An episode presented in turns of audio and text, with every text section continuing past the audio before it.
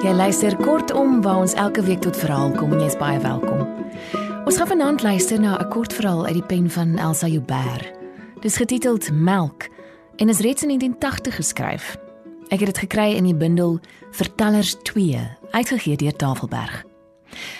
Ek dink 'n konteks en om derentyd in gedagte te hou dat Elsa Joubert wat wyd gereis het deur Afrika en natuurlik ook die swerfjare van Poppy Nongena geskryf het, dat sy hierdie storie geskryf het, is belangrik om te onthou. Dis 'n intense verhaal wat afspeel in die Angola van die laat 70s. 'n Oorlog wat meer as 300 000 lewens geëis het en eers veel later tot 'n werklike einde gekom het. Ons het altyd gehoor van die verskriklike hongersnood en amputasies van al die landmyne. Hierdie verhaal gaan oor die dieper honger en landmyne wat die binnelandskap van mense wat geraak is deur die oorlog geamputeer het. Ek wil nie sê geniet dit of lekker luister soos mense sou sê vir 'n vrolike liedjie of 'n radiosepie nie.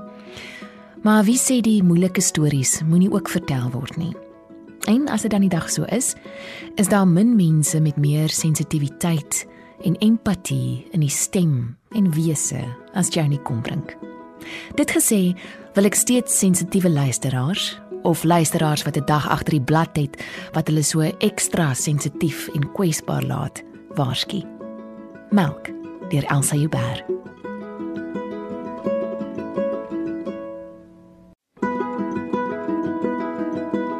Die man met die stof in die groewe op sy gesig het stadig gepraat. Af en toe het hy met die hand oor die kop gevee, die eilhare probeer platstryk. Die tolk het vertaal en iemand, 'n verslaggewer, het neergeskryf. Die woorde is uit hom getrek. Hulle kon nie genoeg kry nie. Hy het by tye gesluk en dan weer voortgegaan. Hy het sy pistool teen my slaap gedruk. Hoe hy langs my in die motor gekom het, weet ek nie. Toe het hulle al klaar my vrou uitgesleep gehad. Hy het gesê: "Roer en jy's dood." Ek het haar nie hoor skree of 'n geluid hoor maak nie. Agter in die motor, die sitplekke was afgeslaan, het die kinders geslaap. Ek het stil gebly. Wat kon ek doen? Die loop van die pistool het gedruk teen my vel. Toe die tweede een die pistool vat, het hy sy hand oor die hand van die ander een laat gly. Sy lyf langs my ingedruk terwyl die ander een uitgeskuif het. Daar was nie 'n oomblik dat die loop nie teen my slaap gedruk was nie. Ek dink 5 of 6 van hulle het my vrou verkrag. Toe hulle met haar klaar was, wou hulle haar langs die pad laat lê maar ek wou nie ry sonder my vrou nie. Ons was 'n lang stoet motors wat tot stilstand gekom het en ek het die stoet vertraag. Toe het hulle die deur weer oopgeruk en haar teruggesmy in die motor. Haar hare was los. Haar lippe was geswel met bloedmerke op. Haar oë het 'n vreemde uitdrukking gehad. Sy het haar geskeurde klere probeer regstryk met haar hande want sy's preuts groot gemaak toe sy net aan my gesê: "Ry." Toe ek die motor aanskakel, het die stoet ook net begin beweeg. Ek het in die eerste rad vorentoe begin ry. Later toe ons meer spoed kry, kon ek oorskakel na die tweede en later derde rad. Ek het in die verte en ook direk agter ons skote gehoor. Maar ons is nie weer voorgekeer nie. Toe ons by die Suid-Afrikaanse grenspos kom, was daar min vertraging. Die jong soldaat met die skoon klere en blink geskeurde gesig het ons net verbygewink en gesê: "Moenie ophou ry nie, gaan deur." Die aand het hulle in 'n noodkamp oorgebly. Die soldate tente het bollend in die donkerte oopgevou. Die motors het in die stofgetrapte kamppaaie tussen die tente ingedraai of in die veld teen die draad gaan stilhou. Daar het hulle 'n bed gemaak en probeer slaap. Hulle het tussen die draad in die motor op die dun matras gelê wat die soldate aan hulle toegewys het. Met trane wat oor sy wange loop, het sy hande oor haar liggaam gegaan. Sy het haar hare met die grys strepe daarin van haar voorkop af weggevee en sag met hom gepraat. Probeer vrede maak daarmee. Dis verby. Hy het in haar geskeurde liggaam ingegaan soos 'n man ingaan by sy huis na 'n brand geblus is. Wou hy haar heel maak? Of was dit vrees wat hy rukkend in haar uitgestort het? Of twyfel? Of skuld? Solank die rukking in sy liggaam kon bedaar, solank daar oor sy hoof gestreel kon word, die drukking in sy lende verlos kon word. 3 maande later het hy dit agtergekom. Hy het haar aangekyk asof hy iets opweeg en gesê: "Jy verwag 'n kind." En later het hy gevra: "Is dit my kind?" "Hoe moet ek weet?" het sy gesê. Solank sy kon, het sy dit verberg hier in die nuwe huisie en die nuwe aanleg in die nuwe land. Soggens wanneer die kinders na die nuwe skool vertrek het, die man na die nuwe werk, het sy haar aan die mislikheid oorgegee. Dit was 'n verligting om alleen te wees, om oor die bak te buig en die naarheid wat aan haar opstoot te laat oorneem. Die naarheid het aangehou. Haar liggaam het uitgeteer.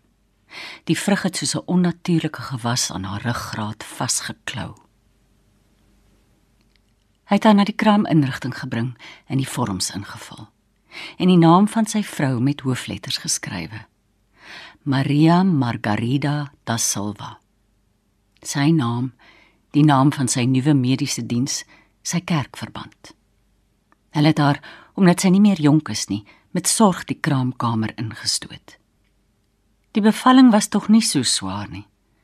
Die liggaam met die kind wat 9 maande lank in hom gegroei het met gemak, met verligting uitgestoot.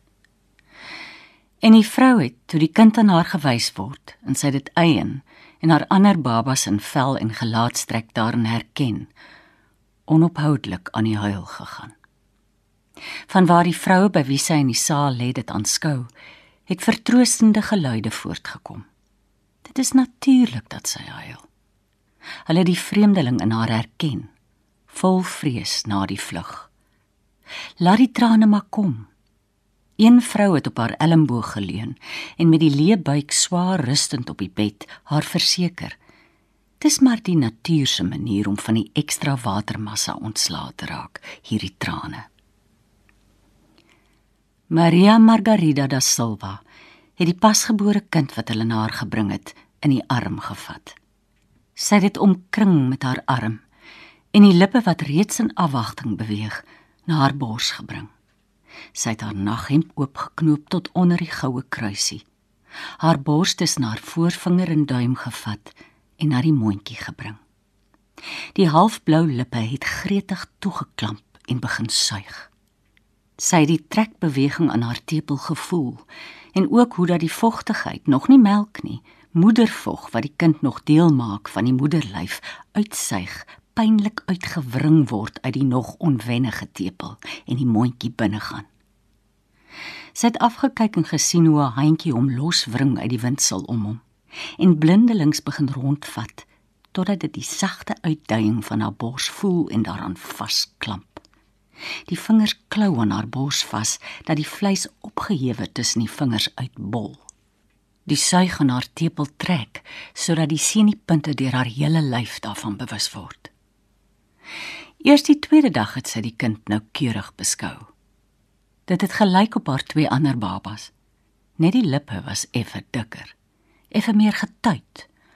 Of is dit maar die drang na melk, soos 'n seentjie selfs al lê hy toegedek en versadig in sy kombersies, tog nog die mondjie tuit na die melk. Die neusie was ook anders maar nie veel nie. En watter baba se neusie is klaar gevorm? Is die neusies nie maar almal ingedruk soos vingermerke in ongevormde klei nie? Die handjie het om haar vinger gevou met 'n krampagtige greep. Dit wou haar hand nie los nie. Selfs toe die verpleegster glimlaggend die armpie met die bandjie vat en die handjie met haar sterk vingers probeer losmaak. So greep. Hierdie kind gaan opslaa maak. Die derde dag het die gesiggie wat uit die windsels na haar opgehef is, 'n vreemde skynsel gehad, asof daar 'n skade weer oorval. Maria de Silva het na die venster gekyk, maar die blinding was nie afgetrek nie. Sy het gekyk na haar eie hand wat die kind in haar arm omsluit. Maar dieselfde skade wie het nie oor haar hand geval nie. Die kind het gedrink.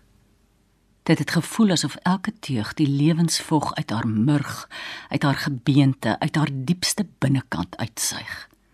Sy het die kind van haar bors probeer wegtrek, maar die lippe het vasgeklou sodat haar tepel met 'n tuit gestaan het. Toe die jong verpleegster die kind kom haal, het sy hom eienaardig gehanteer, asof sy hom op 'n afstand hou. Of liewe moeder van God het haar verbeelding haar dit net ingeprent. Was daar afskeid in haar oë? Haar man het haar die aand van die tweede dag kom besoek. Hy het nie veel oor die kind gepraat nie. Dit gaan goed by die huis, het hy gesê. Die huis wat aan ons toegesê is, is beter as die een in Portugal. Selfs as die een in Angola. Hulle gebruik my goed in die fabriek. In die afdeling waar ek nou werk, weet ek net soveel soos die slimste onder hulle. En hulle weet dit ook. Hulle het mense met my opleiding nodig. Sy was bly om sy selfversekerdheid te sien. Sy het gedink aan die nag toe hy oor haar wonde getas het. Toe sy lyf vol skuld in haar ingestoot het. Toe die trane by sy wange afgeloop het. Nou was sy wange skoon en sy hande het stil op die deken van die bed gerus, af en toe haar hand in syne geneem. Hy het vir haar blomme gebring. En die kinders, vra sy. Dit gaan goed met hulle. Die skool sien om na hulle, selfs met die taal. Dis goed, het sy gesê. Hy het met 'n lomp hand oor haar kop gestreel, die wit in haar hare met sy hand plat gestryk. Die vierde dag toe die kind by haar kom, was die kleur van sy gesiggie vaal, soos as, en in die oksels en in die sagte voue van die babavel swart. Die verpleegster het die kind sonder 'n woord na haar gebring, teen haar sy neergelê. Met die nuwe swart skaduwee wat oor die vel gestrek het, was die vorm van die neus meer opvallend. Wyd, breed gesper, soos die van die man wat haar uit die voorste sitplek van die motor gesleep het, terwyl haar man sit met die loop van die revolver teen sy slaap. Die mondjie het gretig na haar bors gesoek En toe dit die melkerigheid van die tepel voel, het dit begin byt, begin soek, begin klou. Die eerste druppels het dankbaar begin suipel uit die tepelvate. Sy het die neus van die kind toegedruk tussen haar duim en voorvinger. Die kind het gespartel. Wie het kon dink dat daar soveel krag in die liggaampie kon wees? Die voete het teen haar teer buik geskop in woede Die arms het geslaan teen haar vol borste. Die mond het haar tepel gelos en in oop verstomming na asem gesluk. Die melk wat hy besig was om uit te suig, het in wit druppels langs die hoeke van sy mondjie uitgeloop. Toe het sy die kombers in sy oop mond gestoot en dieper en dieper ingestoot. Sy het dit daar gehou totdat die geskop teen haar buik bedaar het totdat die griep op haar bors verslap en die handjies met die swart skade weer oor die vingers van haar bors af weggeval het sy die klokkie gedruk en gedruk totdat die verpleegster uiteindelik opdaag. Toe het sy gesê: "Die kind het verstik." Die verslaggewer wou 'n storie hê. Hy het by Maria da Silva in die kamer gekom. "Die verpleegster is my nooi," sê hy. "Sy het my gesê hier's 'n storie." Sy het met haar hande gebaar gemaak. "Ek verstaan jou nie." Hy het probeer beduie Die kind in jou bors, het jy aan die slaap geraak? Hy vou sy hande saam, hou dit skuins, leun sy kop teen die hande in nabootsing van slaap. Het jy aan die slaap geraak en die kind onder jou bors versmoor? Sy knik. Sy's moeg. Die mense wil weet, bor die verslaggewer. Hulle stel belang, tragiek in die nuwe land. Daar loop trane oor die wange van die vrou wat op die bed lê die wit deken oor die geswolle borste opgetrek tot teen haar ken. Die trane kom saam in die hoeke van haar oë. Nie mooi oë nie, want daar's kringe om en hulle is oud en moeg. En in haar hare is daar strepe grys. Hulle kom in die hoeke saam in lopende strepe oor die wange. Sy vee dit nie af nie. Haar arms lê breed en bruin en bonkig oor die deken. Die haar wrong met die streep wit daarin lê aan haar linkersy. Dit lê soos 'n dooie donker dier langs haar. Hoe voel dit as 'n mens jou baba doodgelê het? vra die verslaggewer. Hy word haastig. Hy vrees dit loop uit op niks. Ek wil 'n kop vir die storie hê. Dan word selfs hy stil voor die trane wat uit die vrou se oë oor haar wange loop. Sy maak 'n beweging met haar hande na haar borste. Die klampte het by haar naghemp uitgeslaan. Die melk wat oorloop, maak selfs op die deken 'n donker kol. Wat maak ek met die melk? vra sy woordeloos. Wie voed ek met die melk?